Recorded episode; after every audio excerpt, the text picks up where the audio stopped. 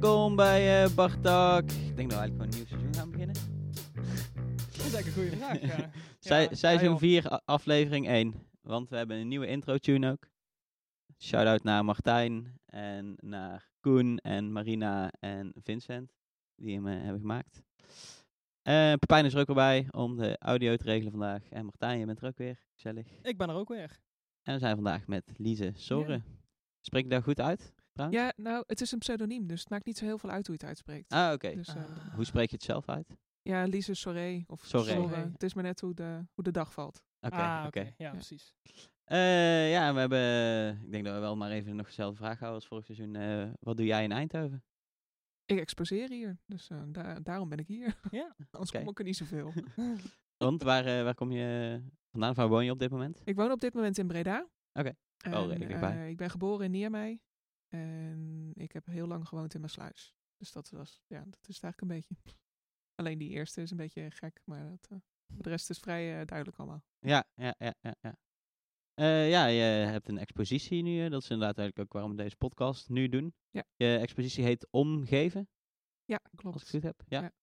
Ja. Wat, eh, ja, kan je een beetje kort uitleggen wat de expositie inhoudt? Of wat, waarom mensen een afspraak moeten maken om eh, langs te komen? ja, dat kan ik zeker. Nou, ik zei net al dat ik eh, geboren ben in Niermei. Dat Mhm. heeft er inderdaad ook mee te maken. Eh, omgeven is een, een beetje een afleiding van omgeving. Mhm. En omgeven, Ergens Is- omgeven. ja, Ja, precies. de emotie die erbij eh, kan zitten. Mijn werk gaat over het algemeen over emoties en het eh, tonen daarvan. Hm. eh, in groot formaat. Dus Ja. ik ben wel eh, ja, meer bekend met het zelfportret. En daar heb ik ook al grote mee geëxposeerd. Maar nu was voor mij de uitdaging om de omgeving daarin te betrekken. Dus dat het Hm. niet alleen maar gaat om het portret of de emotie daarin, maar eh, waar dat eigenlijk vandaan komt.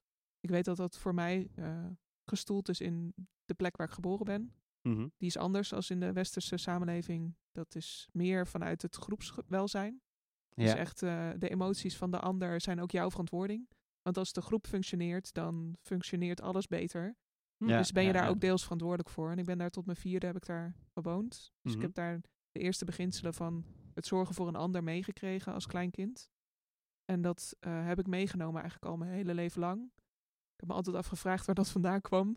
Hm. En, Ja, wat, nu- wat- ja, ja. en wat zijn dan de gevoelens die je dan ervaart nu je in een, denk ik, toch wel iets meer individualistische Nou ja, westerse ik, samenleving ik, ik kan dat niet zo. Ik, ben, ik heb er maar tot mijn vierde gewoond, dus ik weet het niet precies. Hm. Ik, kan het ook niet, ik heb daar niet echt woorden voor, maar er zit een, echt een soort automatisch gevoel dat het zorgen voor de ander vanzelfsprekend is, zonder dat je daar eh, labels op plakt als van ik moet voor de ander brood maken of ik moet voor de ander koken of ik moet voor de ander de zorg uit handen nemen. Maar het is vooral eh, meer als dat. Dus echt het beste uit de ander halen. Dus Hm. zorgen dat de kwaliteit er is en eh, continu letten op kleinere signalen. Hm. Dat heb ik wel echt meegekregen, omdat ik daar vanaf jongs af aan dan mee te maken gehad heb. Heel erg zorgend en toekijkend naar de anderen Ja, en bevinden in de groep en wat is ja, mijn en rol het daarin. ook continu benoemen. Dat zit hem ook. eh, Ja, Hm. dat, dat er ken heel ik veel van over mezelf. praten eigenlijk ook.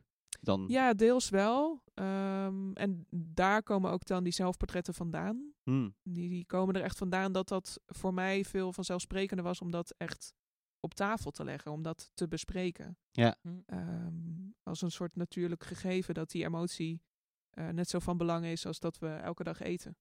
Hm. Ehm, en dat is hier ja, gewoon wat minder. Is Ja, niet zeggen, zo het zal in Nederland wel moeilijker zijn geweest dan denk ik om daarin mensen te vinden, denk ik. Ik heb het idee Nou dat ja, nee, dat- niet zo vanzelfsprekend is in ieder geval. Ik denk dat ik daar later pas achter kwam dat dat niet zo vanzelfsprekend is hier. Terwijl dat Hm. voor mij van nature wel vanzelfsprekend Hm. is. Maar ja, ik was vier toen ik daar wegging. ja, Dus ja, Ja. ja, helemaal woordelijk kon ik dat natuurlijk niet benoemen.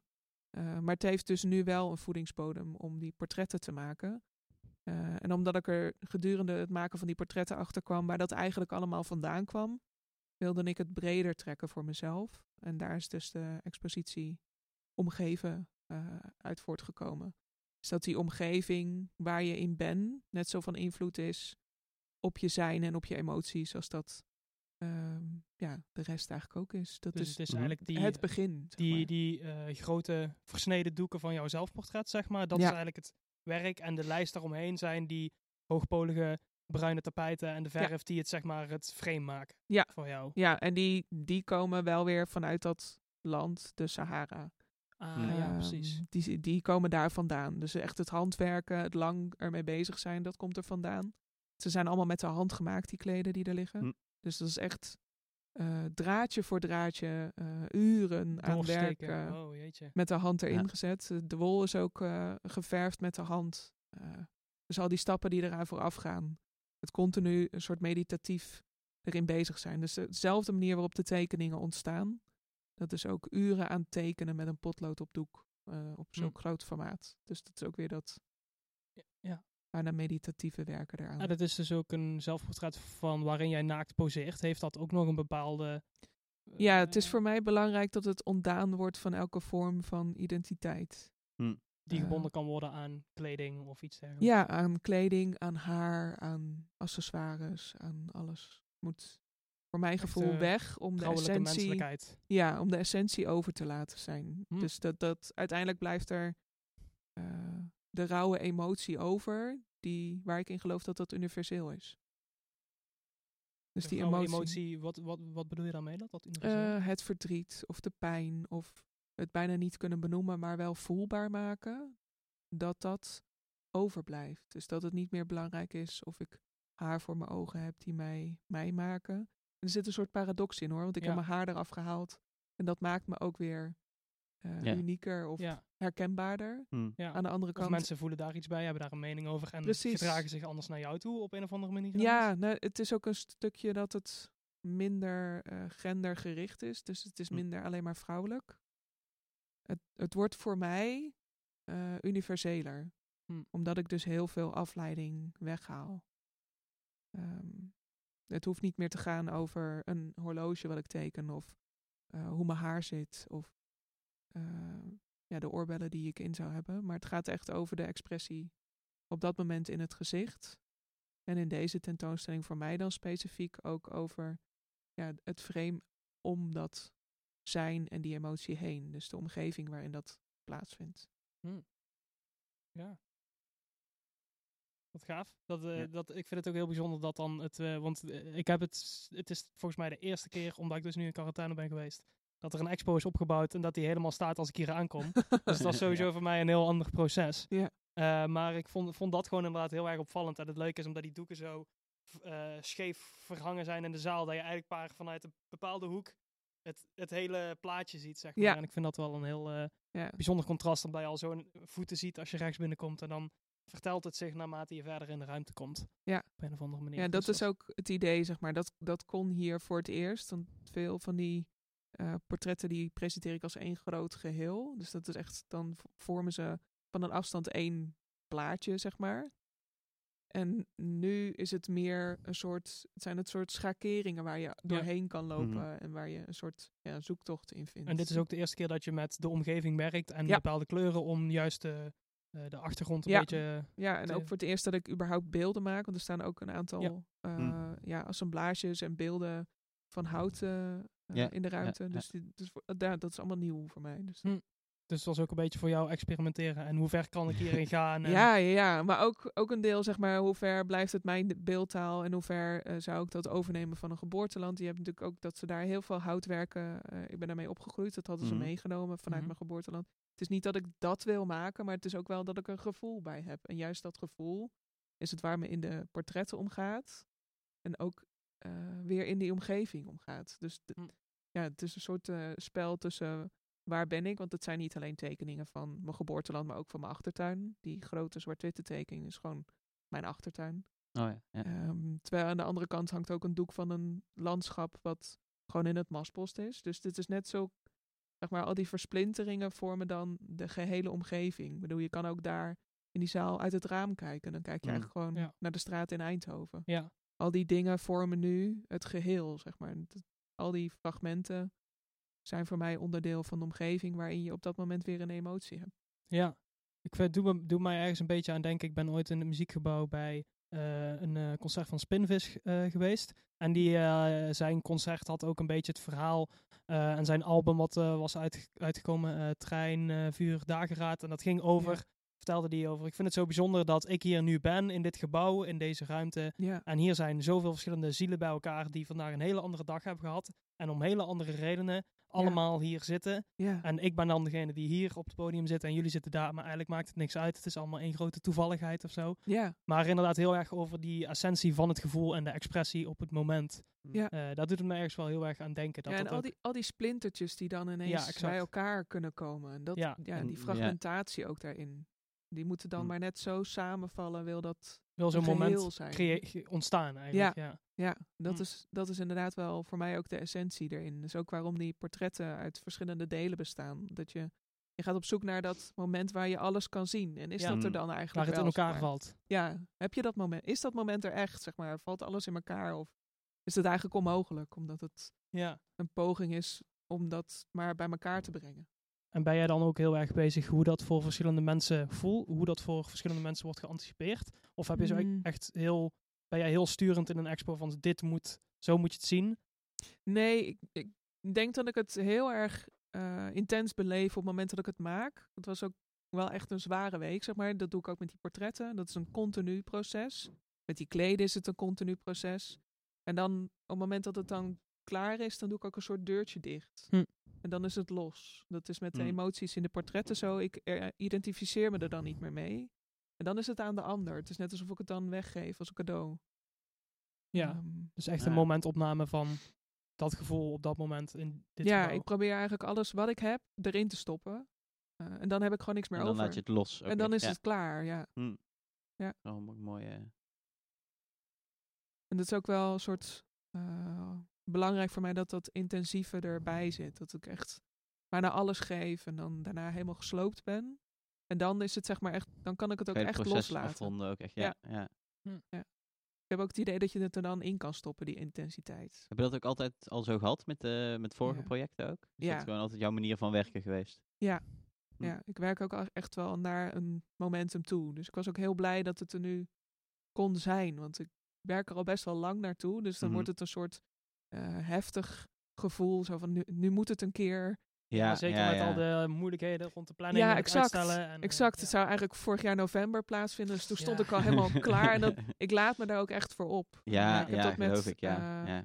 het portret wat ik in eerste instantie als geheel presenteerde in het Coda Museum in Apeldoorn. Hm. Daar leefde ik ook echt naartoe. En dan, kan je het, dan komt er zo'n momentum. Eh, dat doe ik heel vaak met die grote, ja, die kan je moeilijk in je woonkamer even ophangen. Dus dat Ja, is echt ja, ja. vaak voor specifieke plekken dat ik die maak. Hm.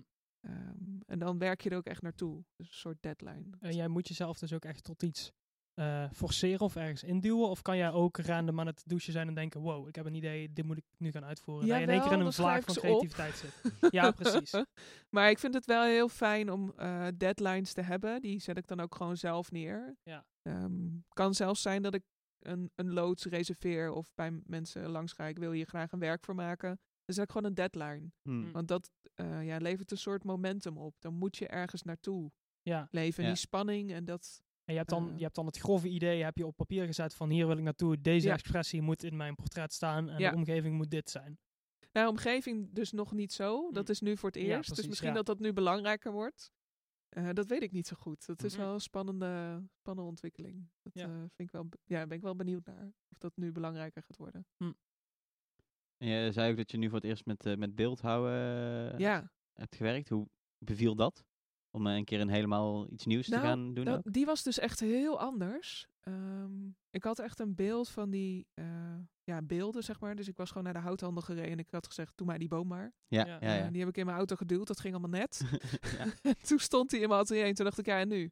Eh, moet ik dan met een, een, ja, een bijtel en een hamer aan de slag of hoe zit dit? Eh, Even op YouTube Ja. eh, een tutorial. eh, ja, ja, ja, echt bijna. meerdere gekeken. Ja. En dan ik dacht, oké, Hoe wat- wat- expressief hout te bewerken. Ja. ja. hoe, hoe ga ik hiermee om dan?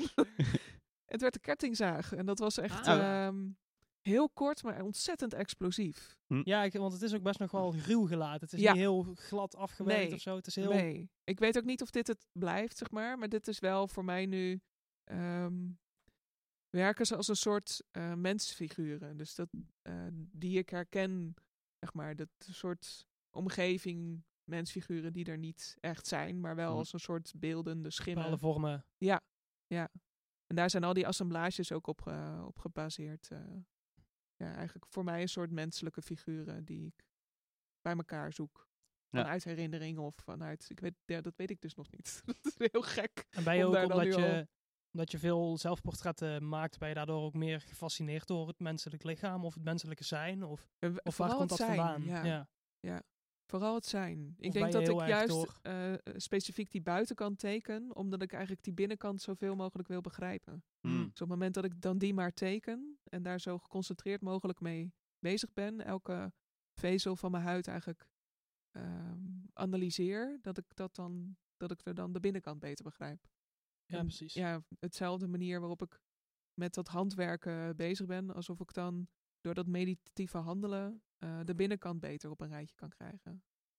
Dus het is ook een soort van eh, interne therapie voor jou of zo. Of een soort van Ja. zoeken naar wat is dit ja, het is waarom, voor mij waarom- noodzakelijk om te doen. Als ik het niet doe, het tekenen niet, of het beeldhouden niet, of het kleden maken niet, dan word ik heel ongezellig. Ja, Eh, ja eh, wat ik nog wilde vragen. Ben jij ook, eh, want eh, ik vind altijd, zelfportret is toch wel een hele specifieke vorm van eh, jezelf Ja. presenteren of, of kunst maken, in welke vorm je het dan ook doet. Ja. Eh, ben jij daar ooit door een kunstenaar heel erg dat je dacht van wow, dat moet ik ook doen? Of hoe, dus, ja, hoe Hmm. kom je daarbij uit dat je denkt van ik moet zelfportretten maken? Ja, het, ja, dat is echt puur uit noodzaak ontstaan. Ik, Ja, ik wilde je- begrijpen eh, wat er speelde. Hm. En daarom ben ik mezelf gaan tekenen. Ehm, dus mm, ja, ik weet niet of het... ik heb altijd het idee, misschien is het een beetje zo'n soort zelfobsessie of zo. Maar het is echt vanuit puur eh, Nieuwsgierigheid meer dan eigenlijk. nieuwsgierigheid. Waarom? Wat is het hem nou dat die emoties doen, zeg maar? Ja. Dus dat, waar zit het hem dan in? En hoe kan ik dat delen zonder dat het alleen maar een dagboek wordt, maar dat het bijna op zichzelf kan staan.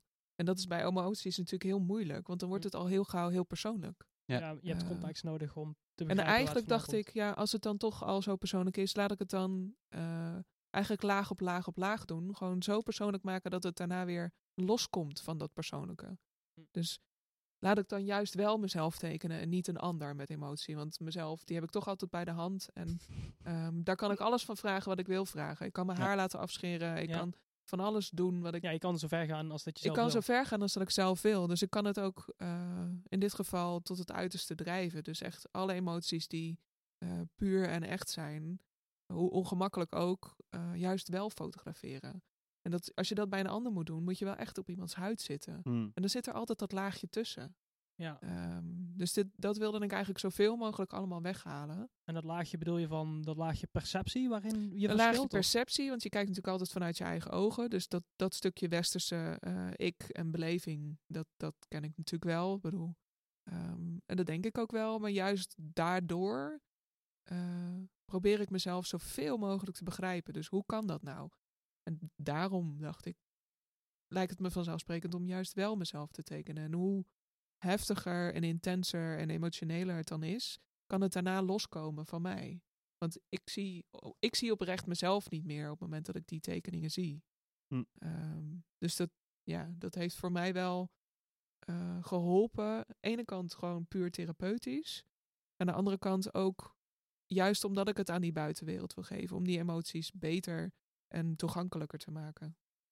Voor jezelf en voor anderen. Voor mezelf en voor anderen, ja. En daarom maar gewoon zo hyperpersoonlijk eigenlijk. En tegelijkertijd is het ontdaan van elke vorm van accessoire, zeg maar. Er zit, je ziet niet geen bank, je ziet geen... ehm, het is echt, eh, ja, ik op een grond. Is dat iets wat je in het begin, eh, toen je met zelfportretten begon, wel meer had? Dat die accessoires meer onderdeel van waren? en Dat dat... Ja, toen, ik heb, draag natuurlijk gewoon een bril. En dat zie je eigenlijk ook niet in die tekeningen. Die was er toen met enige regelmaat wel. Mhm. Eh, ik had toen nog haar. Eh, dat is eigenlijk gedurende het proces allemaal langzaam weggehaald. Om zoveel mogelijk daarvan. Een Tom doen. stukje bij beetje eigenlijk Ja. wou je iets weghalen binnen dat... Ja. Omdat het te veel afleiding veroorzaakt eigenlijk, zeg je ook. Nou ja, omdat ik op zoek ben naar die kern. Waar zit die Hmm. kern dan eigenlijk? Eh, waar, komt, waar komt dat vandaan? En, en kunnen emoties echt universeel zijn? Is verdriet overal hetzelfde over de hele wereld? En is eh, boosheid ook overal hetzelfde? Waar zit het hem dan in? Hoe zie je dat dan? En, Mhm. en hoeveel antwoorden heb je al op dit soort grote Mm. vragen.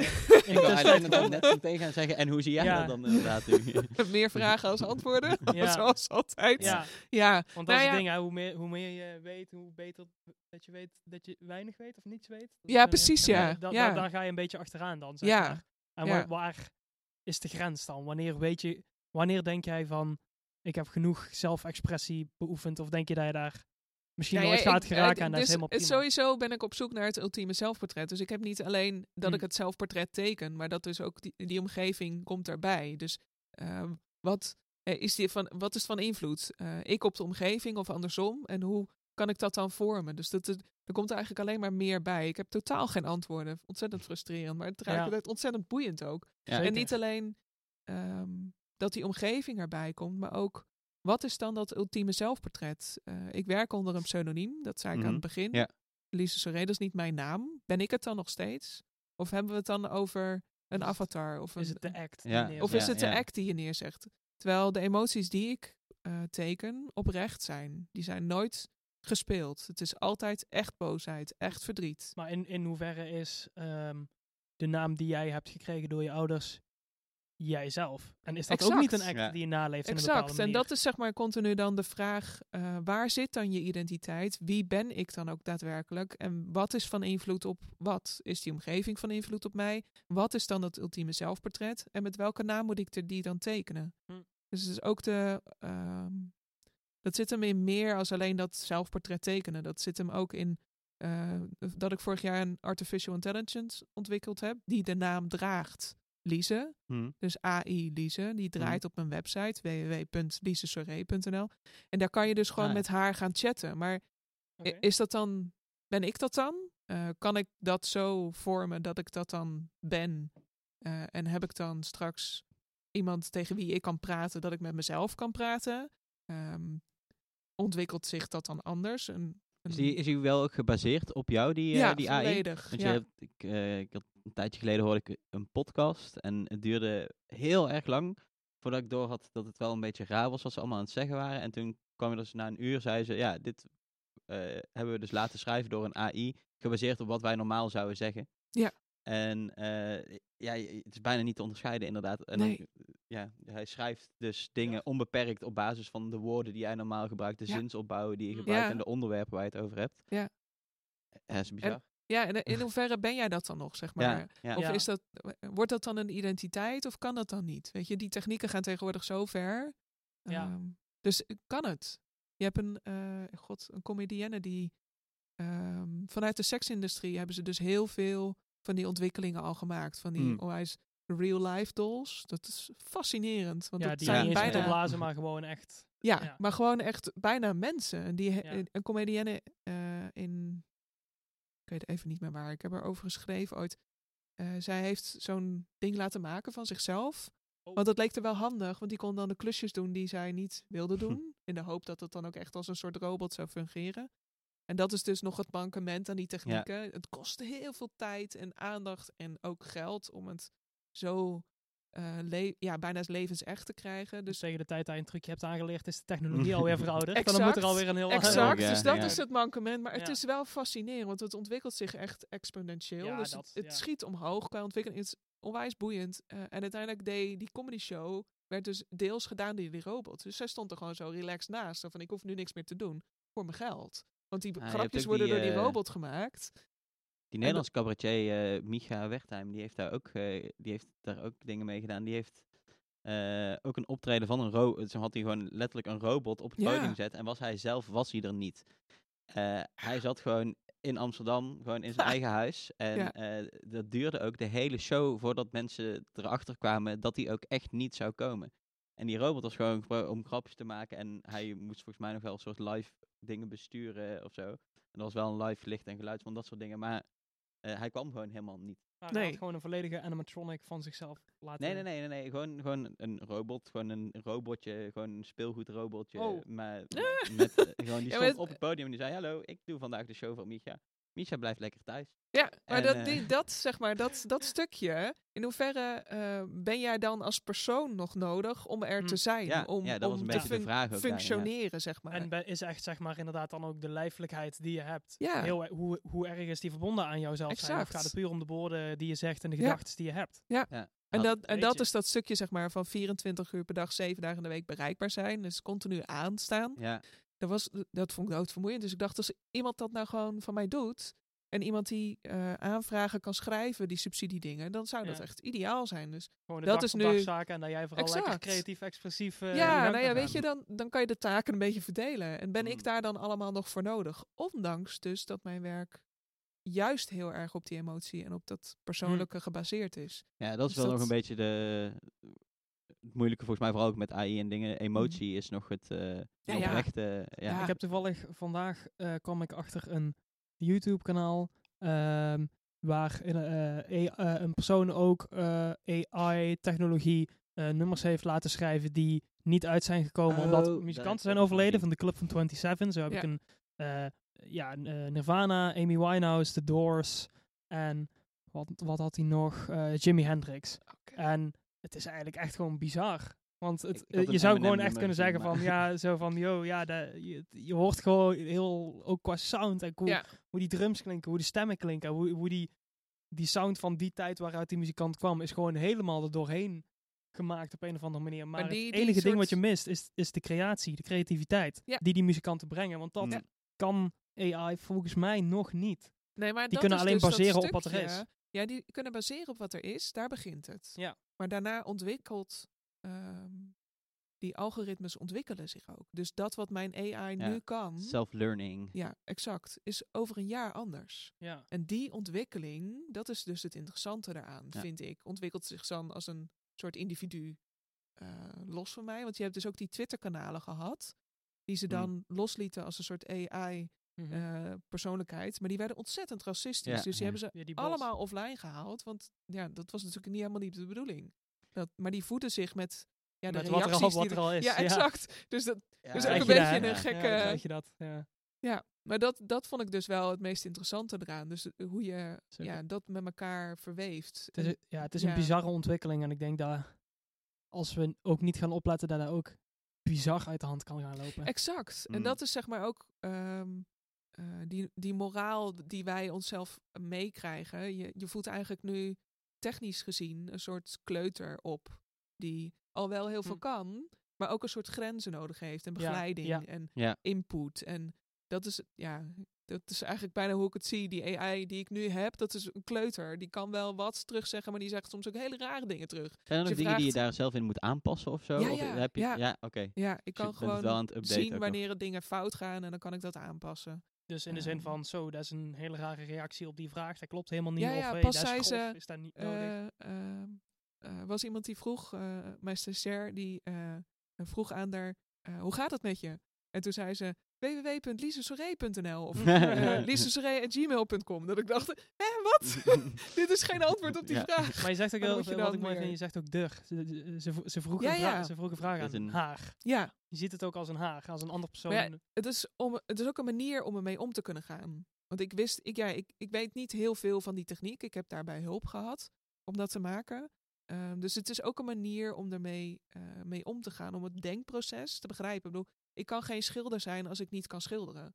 Dus je moet ook een soort mani- manier vinden om eh, in dat concept te, te kunnen denken. Zodat je daar creativiteit op kan toepassen. Hm. Ik bedoel, met een potlood ben ik vaardig en ik weet precies wanneer ik hard en zacht moet drukken om een bepaald effect te krijgen. Als je dat mij vraagt op de computer, dat is natuurlijk een heel ander gegeven. Ja. Ehm, betekent niet dat ik niet in concepten kan denken. Het denken kan ik wel creatief, maar wat de techniek vervolgens van mij over kan nemen of niet, dat is dus de vraag. Ehm, maar dat vind ik ook het meest interessante eraan, dat je dan weer iets heel nieuws leert. Ja. Ehm, en ook op die manier weer eh, creatief leert denken erover. Dus dat ja, vind ik wel echt heel tof. En het is daarin ook vrij in waar dit naartoe groeit of kan groeien. Ja, dat, het komt allemaal uit die basis van wat doet dat individu en hoe kan je eh, zoveel mogelijk het persoonlijk maken en het dan eigenlijk daardoor universeel laten zijn. En dat heeft vooral met dat persoonlijke contact te maken, die emoties die er zitten. Die wat voor mij zo eh, van belang is. Dus jij denkt ook dat wij daar als zeg Nederland eh, baat bij kunnen hebben als we daar dichterbij zouden gaan staan en ook dichter bij elkaars gevoelens en meer oog naar elkaar zouden Ja. hebben. Ja, ik bedoel, daar zit, daar zit uiteindelijk mijn kern, zit dat dat contact wat we hebben, ondanks dat dat nu in deze periode ook weer zo schaars is, dat wat we wel hebben, is meer van belang. Dus dat dat echt is en dat het ook kan gaan over ongemak. Door die schaarste ko- eh, groeit de waarde eigenlijk weer. Ja, nog meer, ja, Ja. denk ik Of wel. ja, we zien die waarde nu weer in. Zo van, Ja. wow, goh, het is eigenlijk wel goed Ja. dat dat er is. Ja. En die gevoelens en die expressie daarin. Ja. Hm. Maar ja, ook gewoon eh, het ruzie kunnen maken met elkaar. Weet je, al die ongemakken die erbij zitten. dat het ruzie maken niet meer betekent dat je daarna maar andere wegen in moet gaan.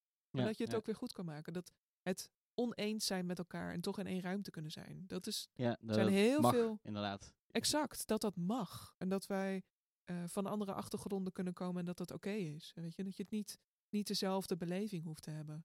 Dus een deel dat het eh, vanuit het individu is, maar dat je dus eh, je wel kan verplaatsen in het feit dat de ander anders is.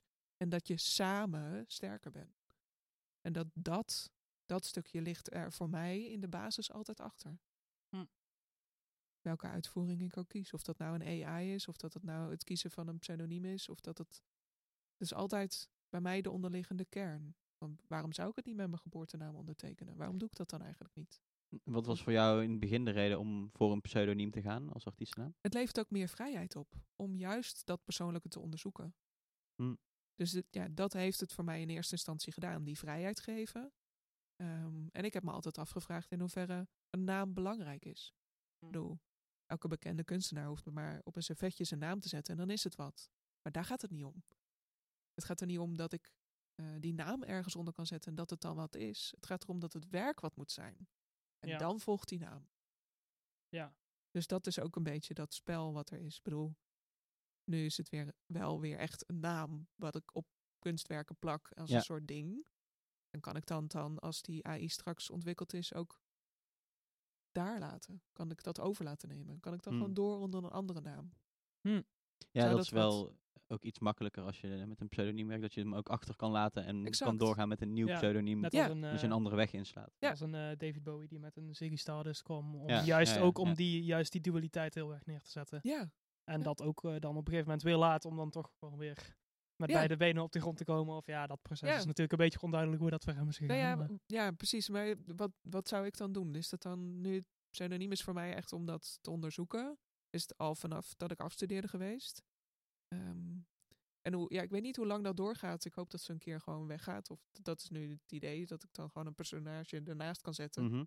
Dat is gewoon dat het doorfunctioneert. En Hm. dat ik daar dan niks meer voor hoef te doen. In eerste instantie had ik het idee van als ik er dan dood kan laten gaan, dan ben ik er Hm. vanaf. Dat kan ook. Ja, maar kan. dat weet ik niet. Dat, zover ben ik nog niet. ja, en als je dat doet kun je het ook nog laten herboren worden. Als je exact, ja, uiteindelijk dat is helemaal mooi. Lekker handig. En daar, uit, eh, uit die gedachte kwam ook wel die, ehm, die chatbot. Omdat eh, dat is uiteindelijk als een soort zorgding een aantal apps ontwikkeld. Onder andere Replica.ai. Die, dat is een soort app die je kan downloaden. Daar kan je mee praten, is in het Engels. Mhm. En die eh, maakt eigenlijk een soort replica van je. Dus hoe langer je ermee praat, hoe beter de gesprekken ook Ja, worden. ja, ja. Hoe meer het zich ook kan herinneren. Je kan zelfs foto's van jezelf sturen. Dan gaat hij je herkennen. Dus verschrikkelijk eigenlijk als je erover nadenkt. Ja. qua privacygegevens. Ik wou net zeggen, zeker Maar- op het gebied van privacy eh, vind ik Oh, dat wel man, interessant om te op. weten voor ik het download. Wat er interessant aan is, dat vond ik wel heel boeiend. Dat is ontstaan uit het feit dat eh, een van de ontwikkelaars die daarmee bezig waren, is overleden per ongeluk. En tijdens een auto-ongeluk was dat plotseling. Ongepland overleg. Ja. Ehm, en dat eh, al die gesprekken die ze met hem gevoerd hebben, hebben ze in de eerste chatbot ja. gestopt. Ja, Waardoor die dus eh, Onherkenbaar voor zijn, zelfs zijn moeder was tijdens gesprekken. Ja, dit is, dit is ook iets wat ik inderdaad wel gehoord heb. Dat, dat, in Nederland bestaat er volgens mij ook al wel nu iets, eh, Ja. iets in. Inderdaad, dat je de promotie het inderdaad juist op dat vlak. Dat je Ja. kan praten met je overleden familielid. Ja. Door Ja. inderdaad ja, heel veel logs in te voeren. Ik denk met dat je daar. Op ja. ethische eh, wijze, denk ik, daar zit je toch wel echt op een grens. En die grenzen worden verlegd naarmate Ja, de ja. tijd verandert. Die worden al verlegd. Dat is er, dit Maar je zit- al. Ja. Eh, ik denk dat toch eh, een, een gemiddeld eh, psycholoog die mensen helpt bij het rouwen en het rouwproces daar niet per se om staan te klappen. Want eh, Ja, dat, Die Ja, komt- ja, dat weet ja, ik dus niet. Ja, nee, dat, dat is volgens mij niet eens Ja, per se zo... eh, het kan helpen, maar het kan ook. Je hebt ook, er zijn dan ook wel de hele heftige Black Mirror situaties waar mensen zich daar Ja, ja. totaal in verliezen. ja, maar ja, alleen nog maar mee aan het chatten zijn in principe Ja. met hun... Met een overleden. Ja. Ja, Ja. en dan is dus ook weer heel erg de vraag, wat is de zin daar nog van? Ben je nou puur de herinneringen nog op aan het halen, die ook heel dierbaar kunnen zijn om het verwerkingsproces te doen? Waar ligt dan... eh, waar ligt dan het echte, zeg maar? Dat is Ja, Ja. dat is wel echt een... eh, continu zo'n soort zoektocht. Want als je dan besluit om die chatbot af te nemen, hè, dan ben je denk ik ook weer iets schadelijks aan het doen. Ja, Ja. precies. Dan moet Dan je weer opnieuw door dat rouwproces ja, heen. Ja. weer- ja, het is heel, Of, ja. ja. of ga je het gewoon uitstellen totdat je zelf doodgaat en dan laat je jezelf in dat systeem en dan kunnen jouw geliefde Ja, gewoon nog ja, steeds... nou, dat is wel Ja, blijft het dan doorgaan? dus dan heb je gewoon, dan ga, sterf je eigenlijk gewoon een generatie later. Maar is dat wel ook het idee, zeg maar, om dit voor de toekomst meer te doen, dat je alvast dingen gaat opnemen om dat programma te trainen? Jeetje. Mhm. Ja. Ja. Maar ook, ja, dat is toch ook... Uiteindelijk, want dan wordt jouw mening en zijn wordt wel nog gedeeld. Maar je bent er zelf niet meer om dat waar te nemen. Ja, Nee, maar is die, dat die beleving van, erbij van, met- ja. van ons leven of van ergens aanwezig zijn, wordt dus steeds meer versplinterd. Van die chronologische volgorde van, van tijdsbeleving Hm. en de eh, loop der dingen, Hm. die worden een soort met versplinterd. En dat vind ik er dus ook zo boeiend aan, is eh, kan ik mezelf inladen in zo'n soort app? Kan ik me dan onsterfelijk maken? En wat heeft Hm. dat dan voor zin? Ja. Eh, wat doet dat op de lange termijn met de beleving van iemand anders van mij? Weet je, dat continu die vraag daarin. En gebeurde dat niet eigenlijk altijd al? Ik bedoel, eh, die werken die zoveel jaren oud zijn, is dat niet hetzelfde, alleen dan anders? Weet je, dat, dat zijn dan Ja. wel de vragen die ik me. En dat zit ook weer in die zelfportret, zelfportretten, is die opdeling, die fragmentatie, de verschillende doeken eh, voor één emotie. Hm. En de, de beleving van het geheel is versplinterd. De- het doet me altijd een beetje denken aan het kubisme, die ook eh, probeerde de werkelijkheid vast te leggen en zich realiseerde dat dat versplinterd was door Ja. tijd. Ja. En daardoor werd het kubistisch. Dus dat, Ja. dat is zeg maar eigenlijk wat er dan steeds voor mij weer achter ligt. Dus al die technieken, al die nieuwe ontwikkelingen, is dat dan ook daadwerkelijk nieuw? Of wordt het dan eigenlijk wel anders? Hm. Eh, of is het gewoon net weer een andere uiting van eigenlijk hetzelfde? Ja. Ja, dat is, dat, ja. dat is ook een hele, een hele inderdaad eh, duale vraag waar misschien nooit ook echt antwoord op gaat komen. Nee, maar ik vind het wel leuk Ja, om af te Ja, maar het zijn, nee, nee, nee, nee. Stijn van Dam heeft daar een hele mooie over. Dat niet elke vraag een antwoord nodig heeft. Wat Nee, is dat toch met niet. antwoorden? Echt, Vragen is helemaal niks mis mee. Ja, Ja. Als, op, als op elke vraag een antwoord was, dan werd het ik denk, snel saai. ik, ik denk dat wij dat niet kunnen als mensheid, als ik heel eerlijk ben. Dat is niet de, juist het vragen naar wat gaan we morgen doen en wat kunnen we beter, heeft ons denk ik hier gebracht. Ja, maar dat is ook goed en. Een soort ontwikkeling die we dan doormaken. Dat we continu eh, bezig daarmee zijn met die vragen. Ja, Hitchhiker's Guide to the Galaxy. What's the answer to life, uh, all existence and universe? En dan is het antwoord 42. ja, is wel een lekker sluitend Oh, als, je, als je dat nu googelt, als je googelt van what is the purpose of life and all existence en zo, dan krijg je gewoon 42. 42. Oh, vet! Ja, en als Google het zegt. Dan is het waar. Dan, ja, dat is het, eh, tegenwoordig. Als het eh, op internet staat. Jeetje, ja. Ik vind het al eh, heel mooi hoe we heel geleidelijk aan naar hele diepe filosofische gedachten. toch weer naar eh, Ja. de Ja. zin van het leven. We zijn er en, toch eh, weer ingetrapt. Ja, het is toch weer Altijd weer die zin van het leven. Ja, dat is altijd En je komt er maar heet het niet achter, hè? Nee. Ja, Het, is echt, eh, het is toch, voelt een beetje als bier drinken in de kroeg. Dat je denkt van, nou, we gaan even lekker bier drinken. En dan hoe deze ben je op een gegeven moment... was? ja, Ja, dat was heel het doel van de podcast, dus Ja. dat we daar weer uitkomen. Is ja, eigenlijk goed. precies. Dan zou je eigenlijk hopen dat je zo inderdaad naarmate van tijd... door met veel kunstenaars te spreken er steeds dichterbij te komen. Maar wat jij al zegt, je komt eigenlijk met steeds meer vragen. En ja, steeds meer Ja. ik denk, ik denk oh ja, verdorie, kunst, zo heb ik er nog nooit over nagedacht. goede kunst levert ook meer vragen op. Ja. Eh, Ja, ja, ja, zeker. dat houdt je bezig. Is dat ook voor jou dan de essentie van het leven? Gewoon jezelf bezighouden? Ik denk het wel, ja. En dat wel zo aangenaam mogelijk.